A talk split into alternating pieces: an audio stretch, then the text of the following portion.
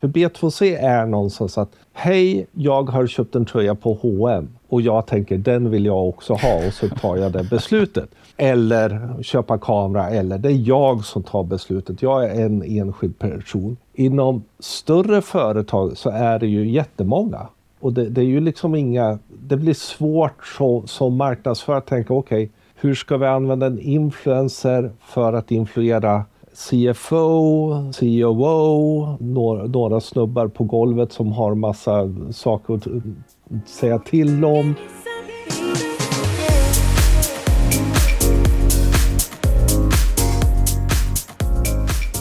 Det där var Deeper Niklas Strand och det här är ett nytt avsnitt av Digital marknadsföring med Tony Hammarlund. Det första för 2024. Och det här är en podd där jag intervjuar några av Sveriges främsta branschexperter och marknadsförare. De senaste åren har det varit många spaningar kring möjligheterna med influencer marketing inom business business. Men det känns inte riktigt som det kommit igång. Så vad händer egentligen kring influencer marketing inom business business? Vad är det som skiljer det mot business to consumer? Och vad krävs för att lyckas med det? Men för att prata om det har jag två av Sveriges vassaste proffs inom sociala medier. Inga mindre än Deeped Niklas Strand och Sara Larsson Bernhardt. Deeped är seniorstrateg inom digital marknadsföring och han har lång erfarenhet som både strateg och planner samt djup expertis inom sociala medier och varumärkesbyggande.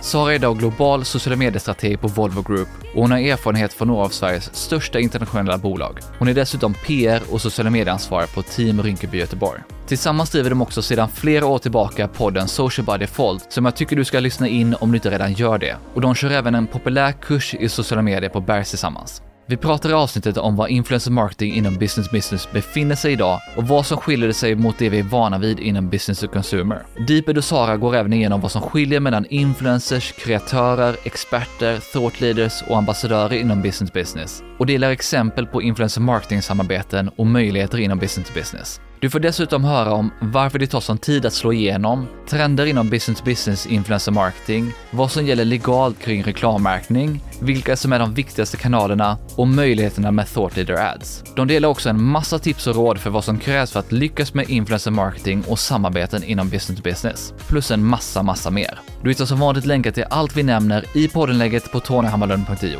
så du behöver inte anteckna. Där hittar du även tidsstämplar så att du enkelt kan hitta till olika sektioner i intervjun. Innan vi kör igång så vill jag även passa på att välkomna Digitalenta som ny sponsor och partner för både podden och nyhetsbrevet. Och de kommer vara med under hela 2024. Digitalenta hjälper företag att bygga och utveckla framgångsrika digitala marknadsteam. Och deras team har lång erfarenhet som skickliga specialister, rekryterande chefer och digitala experter. Tillsammans har man jobbat med allt från performance, e-handel och analys till design, kommunikation och kampanj, så man vet vad man pratar om. Tack vare djup digital erfarenhet, aktiva nätverk och kunskap inom alla delar av digital marknadsföring så är de grymma på att hitta, attrahera och rekrytera personer med rätt digital kompetens. Oavsett om man behöver anställa direkt eller hellre vill ha en konsult på kort eller lång tid. Man har utöver ett stort nätverk av personer med digital kompetens även ett nätverk av konsulter inom många olika discipliner, handplockade och beprövade. Så om du eller ditt företag ska skala upp ert marknadsteam under 2024 så tycker jag att du ska kolla in digitalenta.se och höra hur de kan hjälpa er. Och hälsa gärna från mig. Nu kör vi igång avsnittet och Deeped inleder med att ge sin syn på var influencer marketing befinner sig idag inom business to business jag tror att det handlar, handlar någonstans om att, man, om att vi har pratat om det, handlar om att det logiskt borde vara så att man, man, vi borde få ett influencer marketing i B2B därför det har blivit så stort i B2C. Men dels så tror jag att det handlar, det handlar om flera olika saker. Dels en omogen bransch. Eh, alltså någonstans B2B är ju lite nyvakna på social i sig. Alltså det, det tog ju tid innan B2B började förstå att oh, det här sociala medier kanske vi ska satsa på för vår affär och inte bara för rekrytering. Så men LinkedIn är ju, även om det är gammalt så är det först på senaste två åren som det verkligen börjar satsas på att vara en marketingkanal för B2B, där de själva har insett det. Så det, det är väl en sak. Sen är vi nog kanske lite omogna än som publik på plattformarna och som roll i B2B att plötsligt bli influerad av en annan, en expert som faktiskt har betalt för att säga åt oss vad vi ska göra trots att vi blir det på alla andra ställen och är ganska okej okay med det så är det lite det här att nej men här, oj, nej men vad är det här? Kan vi lita på det här? Och sen självklart att vilka ska vara influencers? Vi är i B2B oftast förknippade med ett bolag. Så där tror jag att den, den är högre, högre problematik. Och jag håller med just det om, om omogen, omogenheten i branschen. För jag menar, tittar man på många business-to-business-företag så är det ju först på senare tid man har börjat utnyttja sina egna experter att faktiskt våga bli talespersoner för bolaget och strategiskt arbetar med dem och se till att de skriver rätt saker och att de har bra närvaro och använder dem för att bli inbjudna i vissa rum eller vissa paneldebatter och så här. Om man inte riktigt har kommit dit än, att gå ytterligare ett steg till en extern expert och betala för ett samarbete. Vi är inte riktigt där. Så det är därför också det tar lite tid. Vi behöver någonstans förstå det mindsetet i business to business, vad det finns för en outnyttjad potential egentligen i detta. Men det känns ju konstigt att man, om man har svårt att komma igång med att få igång interna experter och interna kreatörer eller personer, eller ambassadörer internt. Om det är svårt att få igång det, borde det inte vara lättare att satsa på att ta hjälp av redan etablerade aktörer eller kreatörer eller influencers? Jo, det kan man ju tycka, men så länge du inte riktigt vet hur du ska kunna utnyttja den potentialen och du vet att du har expertkunskapen inne i bolaget men inte vågar accelerera den, så är det ju svårt att se hur kan vi få en utvinning av det med en extern expert, där du då ska betala. För tittar man på skillnaden mellan B2C och B2B så är det ju en mycket mer komplex affärsmodell i ett samarbete med en B2B-expert utav många olika, på många olika nivåer. Ja, hur skiljer sig, skulle ni säga, influencer marketing inom B2B från det vi är vana vid inom B2C? Dels att det är så många fler olika nivåer i, i B2B mot B2C. Därför B2C är någonstans att Hej, jag har köpt en tröja på H&M och jag tänker den vill jag också ha och så tar jag det beslutet. Eller köpa kamera eller det är jag som tar beslutet. Jag är en enskild person. Inom större företag så är det ju jättemånga.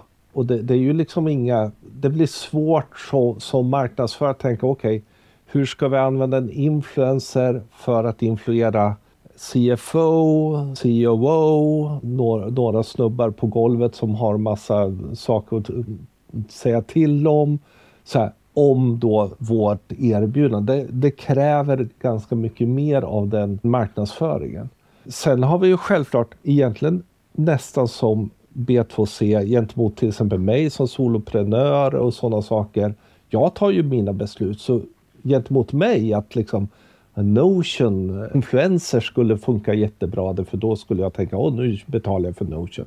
Så du har hela det här spannet av beslutsnivåer som gör det ganska invecklat och därmed ganska annorlunda mot hur vi har byggt B2C. Och, och, till det då så har vi ju också inom B2B mycket längre konverteringstider. Det tar ju mycket längre tid i det här att kunna gå från tanke till köp. Och i ytterligare en komplexitet i det är ju att för många större bolag så har du ju upphandlingsprocesser, vilket gör att visst, du kan i ett samarbete få ett, ett bolagstjänst eller produkt att hamna på radarn. Men sen ska du gå till inköp och säga att nu vill jag ha den här produkten eller den här tjänsten, den känns fantastisk. Ja, säger de, men vi måste göra en upphandling så du måste bjuda in två liknande bolag som har liknande produkter och tjänster. Och sen ska vi göra en utvärdering. Så att det finns en, en komplexitet i B2B som gör att det kommer ta längre tid innan vi överbrygger de här utmaningarna. Vad ser ni att influencer marketing inom B2B, vilken del av den här kundresan är det mest lämpat just nu att använda det? Men lite som Niklas sa, alltså egenkonsulter mot soloprenörer eller mindre bolag kommer ha en lägre tröskel att faktiskt kunna börja använda det här på ett bra sätt. Så att jag tror att testbänken får någonstans vara där. Och sen när vi har blivit vana vid det och vi ser att det fungerar och vi som användare också ser att det finns den här typen av samarbeten, betalda samarbeten, då kanske man kan gå upp och jobba med medelstora och ännu större bolag för att få igenom det. Jag kanske skulle börjat med det, men vad är en influencer inom B2B enligt er två?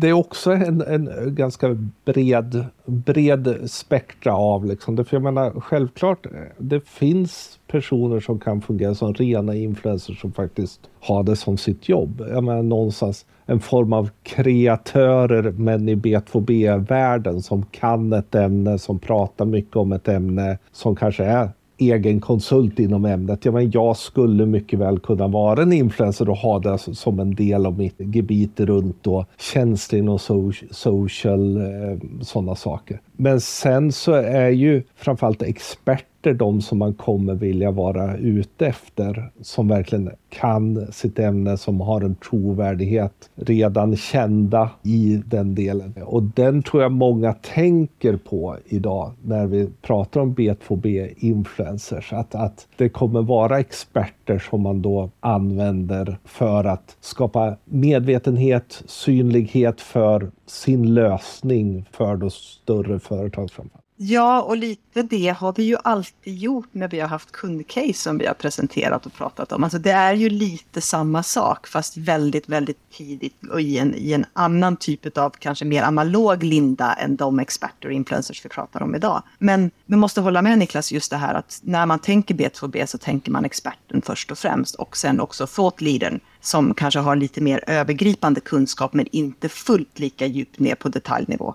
LinkedIn framför allt kanske, men även YouTube. Vi är så otroligt förknippade med den expertis och den roll vi har. Att det är kunskapen och trovärdigheten som kommer vara det starka som driver de här samarbetena. Tittar man på en mer lifestyle-influencer, då är det ju mycket mer leisure life, lite mer anslagstavla. Den delen kommer vi inte se i B2B alls. Så där är ju också en, en markant skillnad. Och sen på det här då så kanske vi har den som kallas mer kreatören. Som dels har en expertkunskap men framför allt också har ett hantverk i att kunna berätta en story på ett sätt som gör att man tar det till sig. Så det finns ett antal olika nivåer.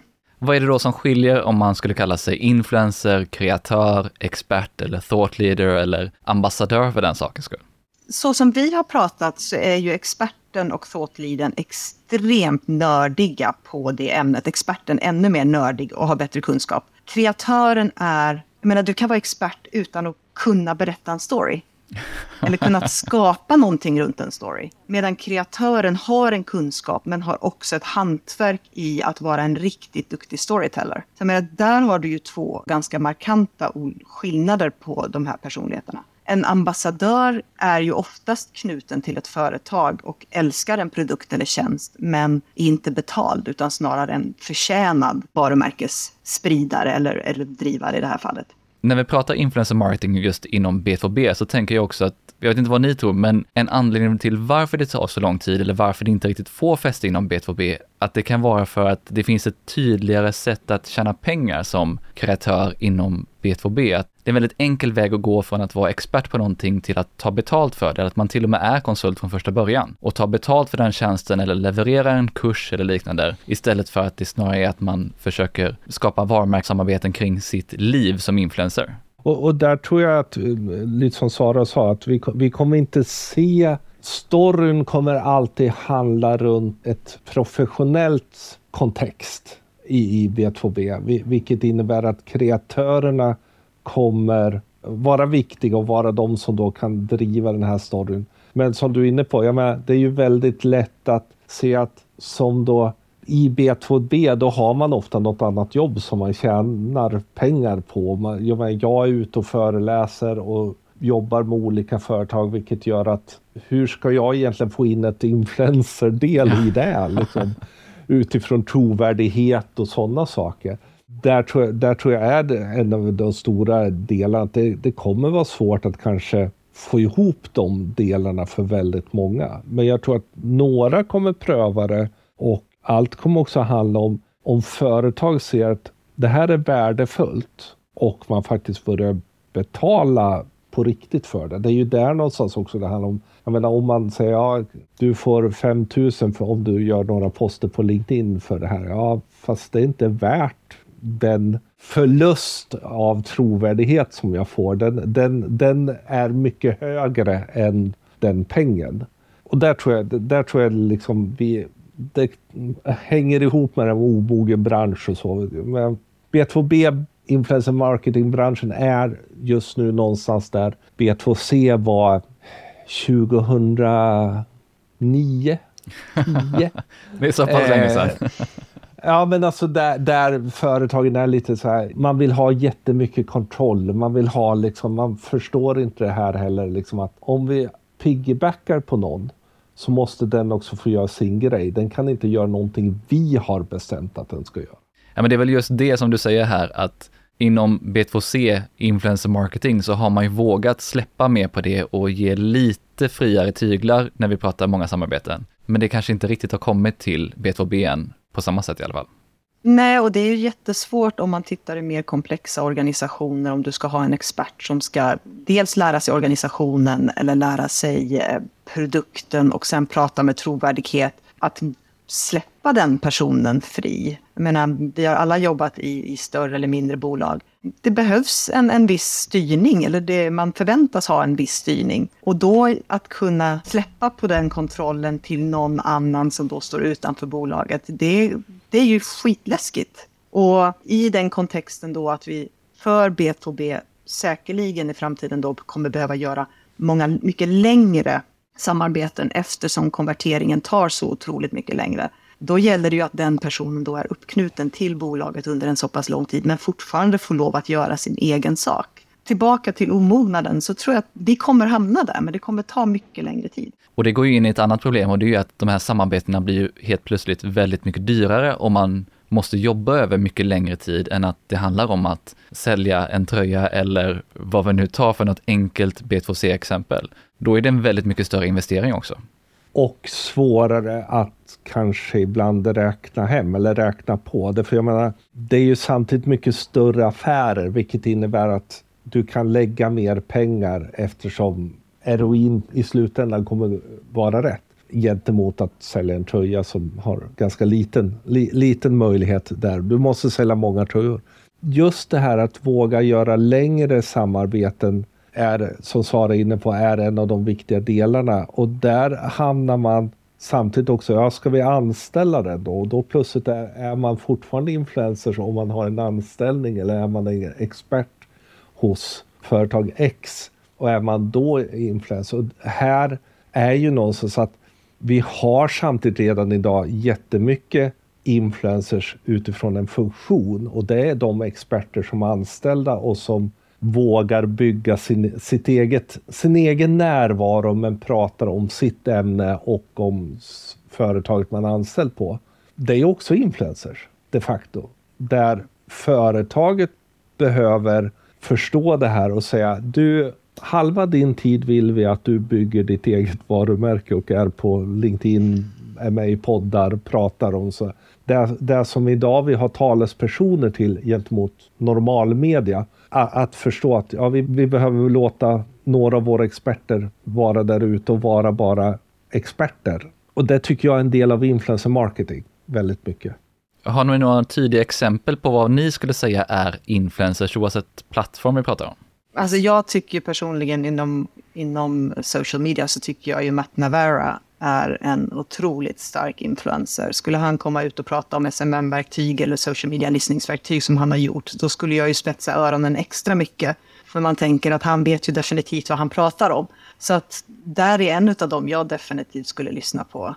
Um, sen uh, tycker vi ju båda att Joakim Jardenberg när han gjorde En sak idag tillsammans med Bredband2 var ju en väldigt tidigt samarbete på det sättet med liksom B2B, influencer, expertisen. Och där hamnar man ju också i den här liksom vad är sponsrat och vad är influencer och sådär. Så det, alltså det är väldigt flytande många saker.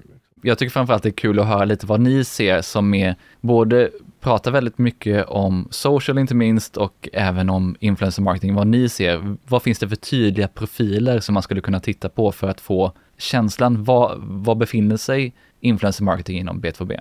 Men om det är några exempel, man kan kolla tillbaka. Jag följde en sak idag, i stort sett varenda avsnitt som Joakim släppte. Jag tycker det var helt fantastiskt. Men utöver det, vad har ni sett för andra exempel på bra samarbeten eller kampanjer som har varit mer inom B2B?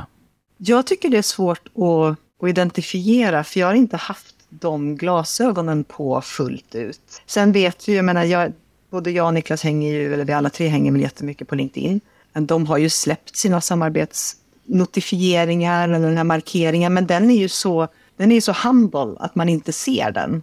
Så jag tror att i, i många fall så finns det säkert samarbeten som vi inte har identifierat som det än. För att återigen tillbaka till den här omogna marknaden och jag som omogen användare på den kanalen har väl inte riktigt lärt mig identifiera vilka samarbeten som är tydliga. De flyger lite under radarn fortfarande.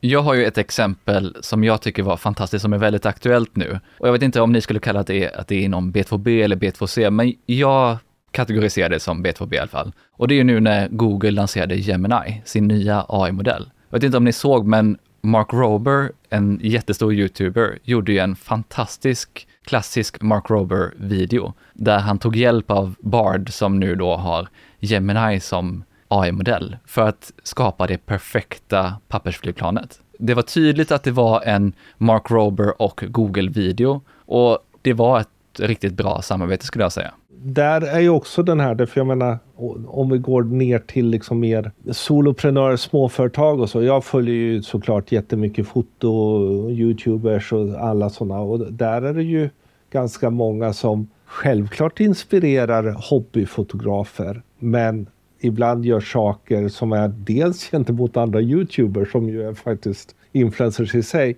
men också faktiskt professionella eh, användare av teknik där man ser mycket samarbeten där de får komma och testa saker som en dröm, liksom stora kameraarmar och liksom grejer som liksom inte en hobbyfotograf ens är i närheten av att skaffa. Så, så det finns ju mängder med sådana och där är ju att man har egentligen tagit B2C och bara satt det som en matris i, ett, så att säga, i vissa B2B-delar men nog inte riktigt vet vad man får ut av det. För att det här ska utvecklas ännu mer måste man ju någonstans hitta en ytterligare steg in i samarbeten och influens. Sen är det ju också så att alla vi tre jobbar ju inom samma skrå. Och vi är ju inte heller målgruppen för en stor del av business-to-business-samarbetena som säkert då kanske finns, men vi ser dem inte för att vi är inte där. Och det är ju också ytterligare en, en aspekt. För jag menar, det finns ju extremt nischade branscher där du säkert kanske har kommit längre. USA har ju kommit längre generellt med den här typen av samarbeten. Men eftersom vi tre sitter i någon slags svensk med omnejd tech social kommunikationsbubbla. Det kanske är så att vår bubbla inte är där riktigt än på samma sätt som någon annan extremt nischad B2B-bransch är. Det är nog mycket möjligt också att vi är inom en egen liten filterbubbla. Du, du menar vi är enögda och inte så vidsynta? Är det så du säger? Om man ska dra en, en, en, liknelse då, så när vi tittar på alla reklamkampanjer eller alla reklamtävlingar så är det alltid business to consumer-tävlingarna som, som hyllas. För det är de man ser. Man ser väldigt sällan business to business-kampanjerna för att de flyger under radarn till en extremt liten nischad målgrupp och kan vara sjukt successful. Samma sak är det nog här. Jag menar, vi sitter ju i vårt skrå och de här samarbetena kanske ligger långt utanför där vi ser att det kanske bubblar på andra ställen som inte vi har någon aning om för att vi nås inte av det. För återigen, skillnaden mellan B2C och B2B är att B2B har extremt nischade målgrupper som inte är så mainstreamifierade och breda. Men det får väl bli uppmaningen till de som lyssnar också att om de inte befinner sig och bara hänger i den här branschen, vilka exempel, vad ser de? Och att vi inte bara pratar LinkedIn dessutom, utan att vi pratar, vad, vad ser de Nej. i sina kanaler? Vad ser de i nyhetsbrev, på YouTube, på LinkedIn eller mm. andra sociala kanaler? Vad ser de där? Finns det några samarbeten? Det tycker jag är väldigt intressant. Ja, och den, den kanal som vi är van, mest vana vid, det är ju poddarna egentligen. För där har vi ju haft samarbeten länge. Och då återigen så är de nischade.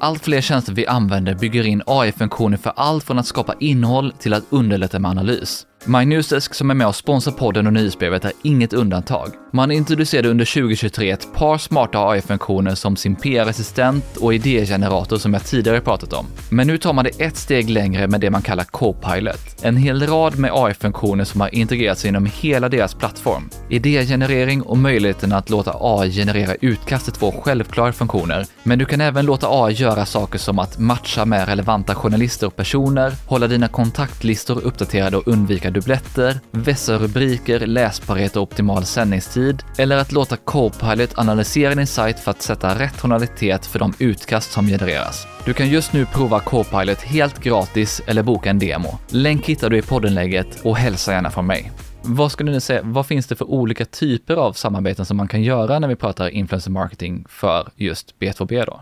Alltså det, dels, så, dels så har vi ju det gentemot då, alltså det, det som är så lik liksom att hej, här är en produkt eller en tjänst, den borde du som soloprenör eller litet företag testa. Alltså rent konverterande. Där, där man de facto skulle säga, ja, skriv Deeped 20 så får du 20 procent första året. Sådär. Det, det kan ju göras. Det är ju bara att folk inte riktigt har fattat det tror jag. I det här fallet tror jag mer än någon sorts liksom, jaha, ska vi göra det? Sen ligger det ju väldigt mycket mer i att bygga innehåll där företaget och influencers expertis någonstans korsas och man får massa kunskap och därmed ska då som Sara var inne på tidigare företaget kommer på radarn hos person som följer den här, person, då, den här influencer, den här expertinfluencern. Där tror jag att det kan vi göra så otroligt mycket mer, men där det också handlar om att influencer måste ju hitta balansen för att också hålla kvar sin trovärdighet och inte bli bara superköpt. Men jag tror inte att det är egentligen så stor skillnad. Jag menar, du kommer kunna göra det inom tjänster, servicedelarna och du kommer göra det med rena produkter. Sen gäller det återigen att se var, var är målgruppen, vad är målgruppen ute efter? Jag tänker att också i, inom medicinteknik, alltså läkemedelsindustrin, produkter där, där du har liksom användare som är experter inom ett område men kanske använder en typ av hjälpmedel för att de har någon form av nedsättning där kan de bli både experter och influencers fast mot sjukvård. Alltså det finns ju så många olika skrån som, som vi inte är så involverade i eftersom vi sitter i teknikstrået. Så det känns hela tiden som vi, vi refererar tillbaka till vår sandlåda. Och det är väl det som är en av svårigheterna. Någonting som jag ser som en väldigt stor möjlighet är också bara det här kring att göra samarbeten kring att skapa riktigt bra innehåll. För om man jämför B2C och B2B så känns det som att B2B skulle kunna ha ännu mer nytta av att faktiskt samarbeta med några som kreatörer eller influencers eller thought leaders, vad vi nu väljer att kalla dem, för att faktiskt skapa riktigt bra innehåll som får fäste. Snarare än det här klassiska innehållet som många B2B-företag fortfarande försöker komma ut med. Att det, det kanske finns lite större möjligheter där, tänker jag. Men du behöver alltid ha en expertkunskap i bakgrunden som driver det som är en stor skillnad mot B2C där du har en, en lifestyle-skyltdocka slash person som visar upp någonting i en kontext. Jag tror att där har vi också en, en ganska stor skillnad. För inom B2B och thought leadership så är det ju hela tiden kunskapen som är den drivande. Det är det som, som gör att vi konverterar. Men måste det vara så? Måste det alltid vara fokus på kunskapen? Kan inte den här typen av profiler komma in och göra hjälpa företagen inte minst att göra roligare innehåll, någonting som inte bara är att svara på vanliga frågor eller liknande, att, att det är väldigt handgripliga, att det kan bli annan typ av innehåll också. Nej, men, den inte, det, men då blir det ju någonstans att man använder en kreatör för, som kan storytellingen för att berätta storytelling på ett sätt som är underhållande på ett sätt som passar i B2B. Och det, det är ju sånt som säkert också behövs. Jag tycker att eh, båda delarna ligger just där. Hur gör vi så att vi hamnar på radarn hos de, de som vi vill nå? Liksom? Jag tror precis som Sara ändå att jag menar, expertkunskapen och så, den kommer alltid vara viktig i B2B. Eh, trovärdigheten, tilliten, det är större pengar oftast hela tiden. Men självklart kan vi göra det un lite underhållande så är det ju faktiskt positivt. B2B behöver inte vara tråkigt. Nej, men det, det är väl där man ofta fastnar. Det, det blir ju ofta ganska tråkigt, framförallt om man fokuserar väldigt, väldigt mycket på bara expertinnehållet. Att det kanske kan vara så att man kan hitta en mix där inte minst. Att, att man har dels de här interna experterna eller thought leaders som kan vara just experten, men att man också kan titta på, okej, okay, men vad finns det för kreatörer eller influencers som vi skulle kunna få en liten annan twist på vårt budskap och vårt varumärke med? Jo, men, och, och du har säkert en, en jättebra poäng där. Återigen tillbaka till liksom funden. Vad är det vi vill göra i det faktiskt? Och om man då delar in det i den normala trekanten och tittar på awareness-biten och kanske ner mer mot consideration. Men då kanske du kan använda en kreatör som har ett stort genomslag som kan visa en produkt eller tjänst på ett lite annorlunda sätt för att få igenom bruset. Men återigen tillbaka till långa beslutstider och att vi faktiskt ändå pratar om B2B. Det är en, en lika glättig bransch. Så kanske du behöver addera då med liksom thought leaders experter för att få till den sista konverteringen. På samma sätt som vi i B2C, om vi gör stora kampanjer, använder oss av scalers och kreatörer som har en annan typ av räckvidd tills att du till slut faktiskt har en relevant räckvidd för att tippa folk över kanten. Jag tycker ju annars ett jätteintressant exempel på, när vi pratar podd innan, det är ju vad HubSpot har gjort med sitt Podcast Network. Att de har både köpt in och samarbetar med och sponsrar ett gäng med olika poddar för att på något sätt sätta ihop ett eget nätverk. Allt från poddar för rena kreatörer och sociala medier till copywriting och My First Million där vi pratar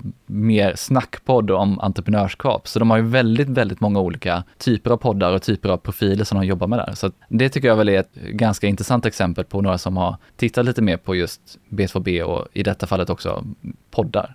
Precis, och jag menar det där blir ju, det där blir ju motsvarande att använda väldigt mycket mikro influencers på B2C-sidan som de har, de har flyttat över. Det, det, är ju den strategin de har valt där. Liksom. Att vi har massa små här, vi flyttar ihop det för att få en effekt, liksom ganska bred effekt som då ett sådant företag som HubSpot behöver eftersom de säljer ju helst till väldigt många.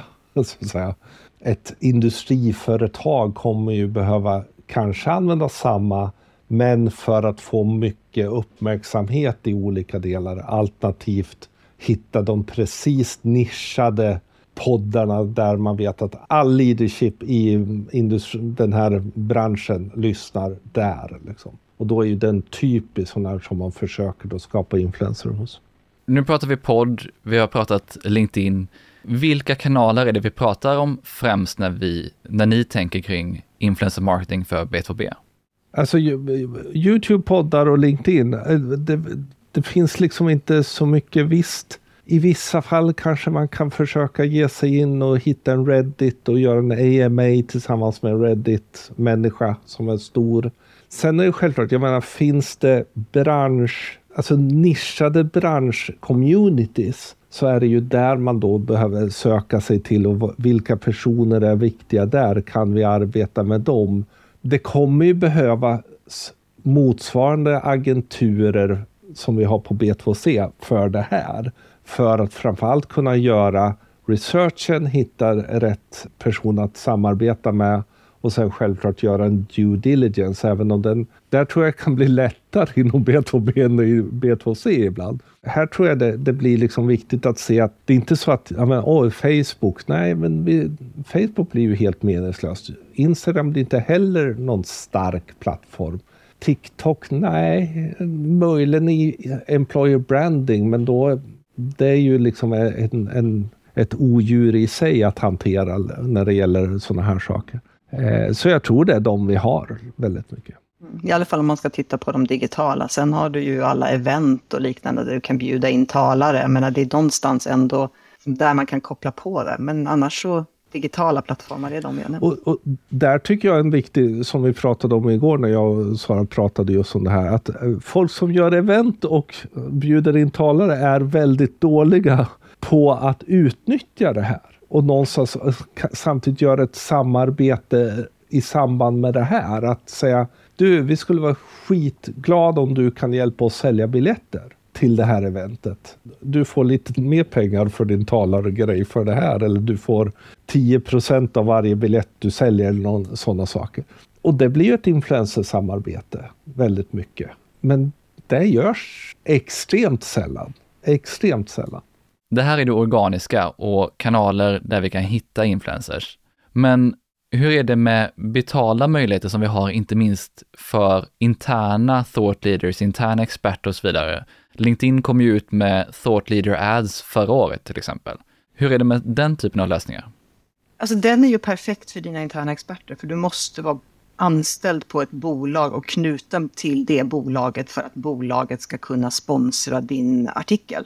Så där är, det ju, där är det ju svårt att jobba med en extern, utan där behöver du ju jobba med dina, dina interna experter. Och återigen, jag tror att vi kommer, där kommer vi nog se en, en ökning relativt snabbt när företagen har insett att här kan vi öka trovärdigheten utan att vi är en logotyp som pratar, utan att vi faktiskt lyfter och sen sponsrar mot en viss målgrupp eh, våra experters eh, uppdateringar. Den är väldigt nära. Så nära så att jag vet att folk gör det.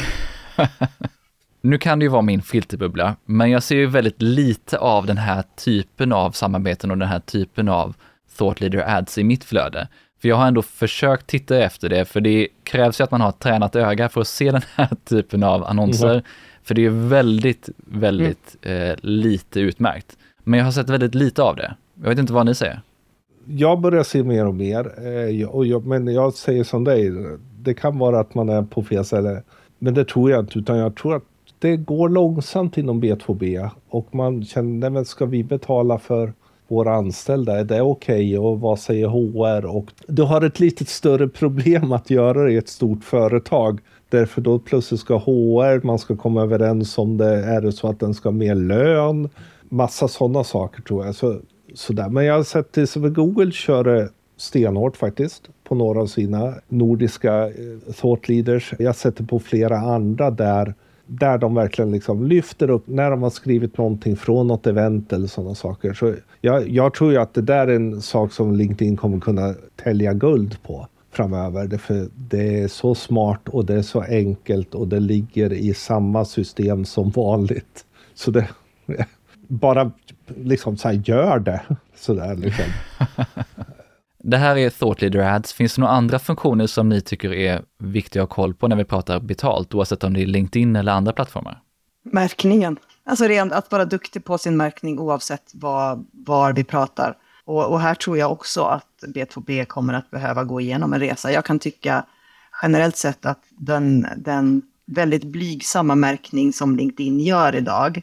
Ja, vad är det de kallar det just nu? Varumärkessamarbete på svenska? Brand partnership. Någon, ja, och det är väldigt subtilt, väldigt litet och du behöver nästan veta att du ska titta på det för att se det. Och jag tror att det har, återigen tillbaka till vad vi pratade om i början, det här med trovärdigheten, expertisen eh, och betalda samarbeten. Att man behöver tassa omkring där riktigt eh, i början nu. Eh, så... Vad gäller rent legalt när vi pratar B2B kontra B2C, när vi pratar reklammärkning oavsett om vi pratar LinkedIn eller andra plattformar. Vad behöver man göra när vi pratar märkning rent legalt? Alltså det är, det är samma, marknadsföringslagen eh, gör ingen större skillnad på B2B och B2C utan det, det ska vara solklart att om du har ett betalt samarbete med någon eh, så ska du markera det först i din postning och det ska vara synligt. Och där är någonstans, jag har sett några som har sådana här på LinkedIn har någon form av samarbete med egentligen B2C-aktigt sådär. Som någonstans längst ner lägger in. Ja, det här var då en... Eh, så här, och det kom... Alltså, om man slog ner på det så skulle de få, få böter. Därför så där får man inte göra. Utan det är samma sak hela tiden. Och det är ju därför då företagen försöker då hitta det här betalt samarbete. Men hur litet kan det vara utan, utan att det blir fel? Jag skulle tro att den som LinkedIn har är för svenskt vidkommande antagligen för lite. Man behöver nog göra första, någon, så att säga, andra raden. Det här är ett betalt samarbete med Adecco. Liksom. Och med risk att gissa lite nu så skulle jag kunna tänka mig att de här plattformarna behöver en funktion som du slår på på riktigt och inte bara skriver i text. För om vi nu har plattformar som ska erbjuda annonsfria flöden, var någonstans hamnar ett betalt samarbete? Har jag sagt att jag inte vill se sådana? Eller har jag sagt att jag vill se sådana om jag har annonsfritt? För jag menar... Alltså, du har ju sagt att du inte vill ha annonser, inte att du inte vill ha influencers. Det är en gråskala där. Alltså har du ju gjort. Det är ju, det är ju plattformens annonser som, som du egentligen säger jag vill inte ha. Sen tror jag många tänker att nej, men jag vill inte ha influencers heller, men det kommer de ju få. Liksom. Så länge inte Meta sätter upp en gigantisk creator fund så känns det som att brand partnerships får vi nog leva med oavsett om vi pratar Metas plattformar eller någon annans för den delen. Vad skulle ni säga, vad är nycklarna för att få till ett riktigt framgångsrikt samarbete med influencers och kreatörer inom B2B? Det är samma egentligen inom B2B som B2C. Du behöver i den, först och främst behöver du veta vad du vill ha för mål med din kampanj. Vad, vad samarbetet ska utmynna i. Och sen behöver du ju återigen göra liksom en målgruppsanalys. Du behöver hitta den experten som pratar om ditt ämne och har den målgruppen eller kan influera på den målgruppen. Och sen göra en vanlig due diligence och sätta ett, ett samarbetsavtal. Där är det inte så svårt. Det är inte så stor skillnad mellan B2B och B2C. Var i den här pyramiden eller tratten eller kundresan tycker ni att man ska börja om man ska sätta igång med influencer marketing och testa det? Ska man börja med awareness eller ska man försöka börja i den andra änden och försöka jobba med mer konverterande influencer marketing? Jag skulle säga att det beror på vad du faktiskt säljer. Alltså, är du någon som säljer tjänster till mindre företag, då skulle jag snarare säga att då ska du börja i längst ner och, och, testa, kan jag få ut leads på det här? Notion eller något annat har kommit med så här, det använder jag hela tiden och visa, så visar man och så här, jag har ett, det är ett betalt samarbete, här är 20 procent. Det blir ju fortare så, alltså, kan vi få tillbaka någonting på det här? Så är man ett större företag, då är det väl egentligen awareness som man, man alltså någonstans kan, kan man komma på radarn, liksom synlighet. Jag skulle också säga som initialt att, på, att börja som ett komplement till en kampanj. Mm. Att du har en traditionell kampanj mot din målgrupp och sen adderar du det här för att liksom få den här extra trovärdigheten och då hamnar du relativt långt ner i tratten. Consideration ner mot conversion kanske. Så att det blir inte en, en one shot utan att det blir en del av en mix utav en större kampanj. Ja, en till kanal som vi jobbar i med den här kampanjen.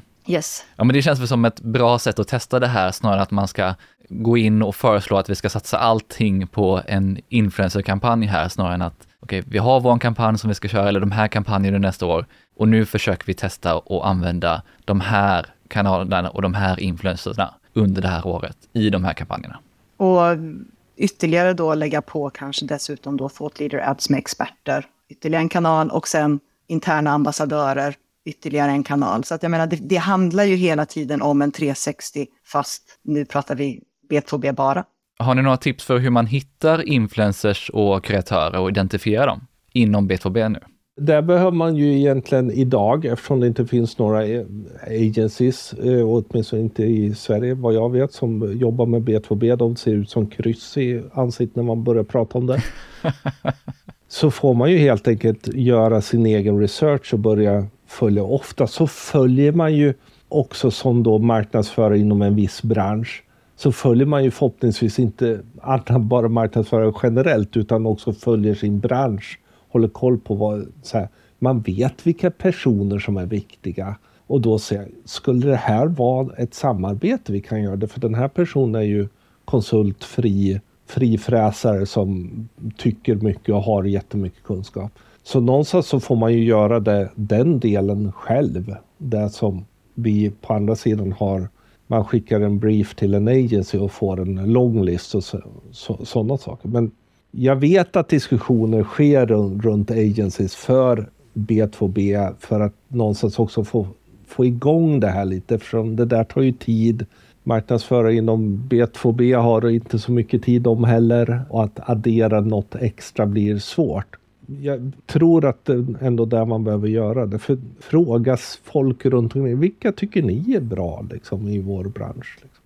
Innan vi avslutar så tänkte jag också att vi ska spana lite framöver. Vad ser ni för trender inom influencer marketing för B2B? Vad tror ni kommer hända framöver? Först och främst så tror jag att mer, fler företag kommer få upp ögonen för Thought Leader Adsen på LinkedIn. Jag tror att det är där någonstans man kommer att börja experimentera för att sen våga ta stegen längre och längre ut. Att man helt enkelt investerar i sina interna experter och lägger pengar på att de ska synas. Jag tror att vi kommer också se under nästa år fler B2B-influencers gentemot då som vi var inne på, det som är likt B2C, soloprenörer, mindre, alltså HubSpot har vi pratat om, det finns massor med större tjänsteföretag som skulle kunna tjäna ganska mycket på att få folk att prata om hur man använder en viss tjänst, hur, hur man gör sådana saker. Jag, jag, vet att banker och sånt tittar på motsvarande gentemot eh, då mindre företag. Hur kan vi utnyttja det?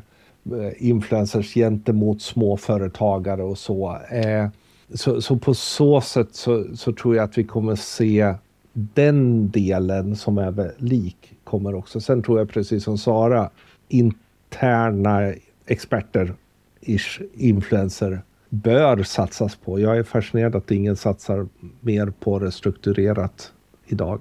Nu kan det som vi varit inne på vara en filterbubbla, men vi har pratat väldigt länge om hur kraftfullt det kan vara att lyfta fram våra experter, inte minst när man pratat content marketing tidigare, och att lyfta fram det också i våra sociala kanaler på ett bra sätt. Men jag ser väldigt få exempel på att företag verkligen gör det. Det, det pratas ofta att man ska göra det, men väldigt sällan det verkligen sker.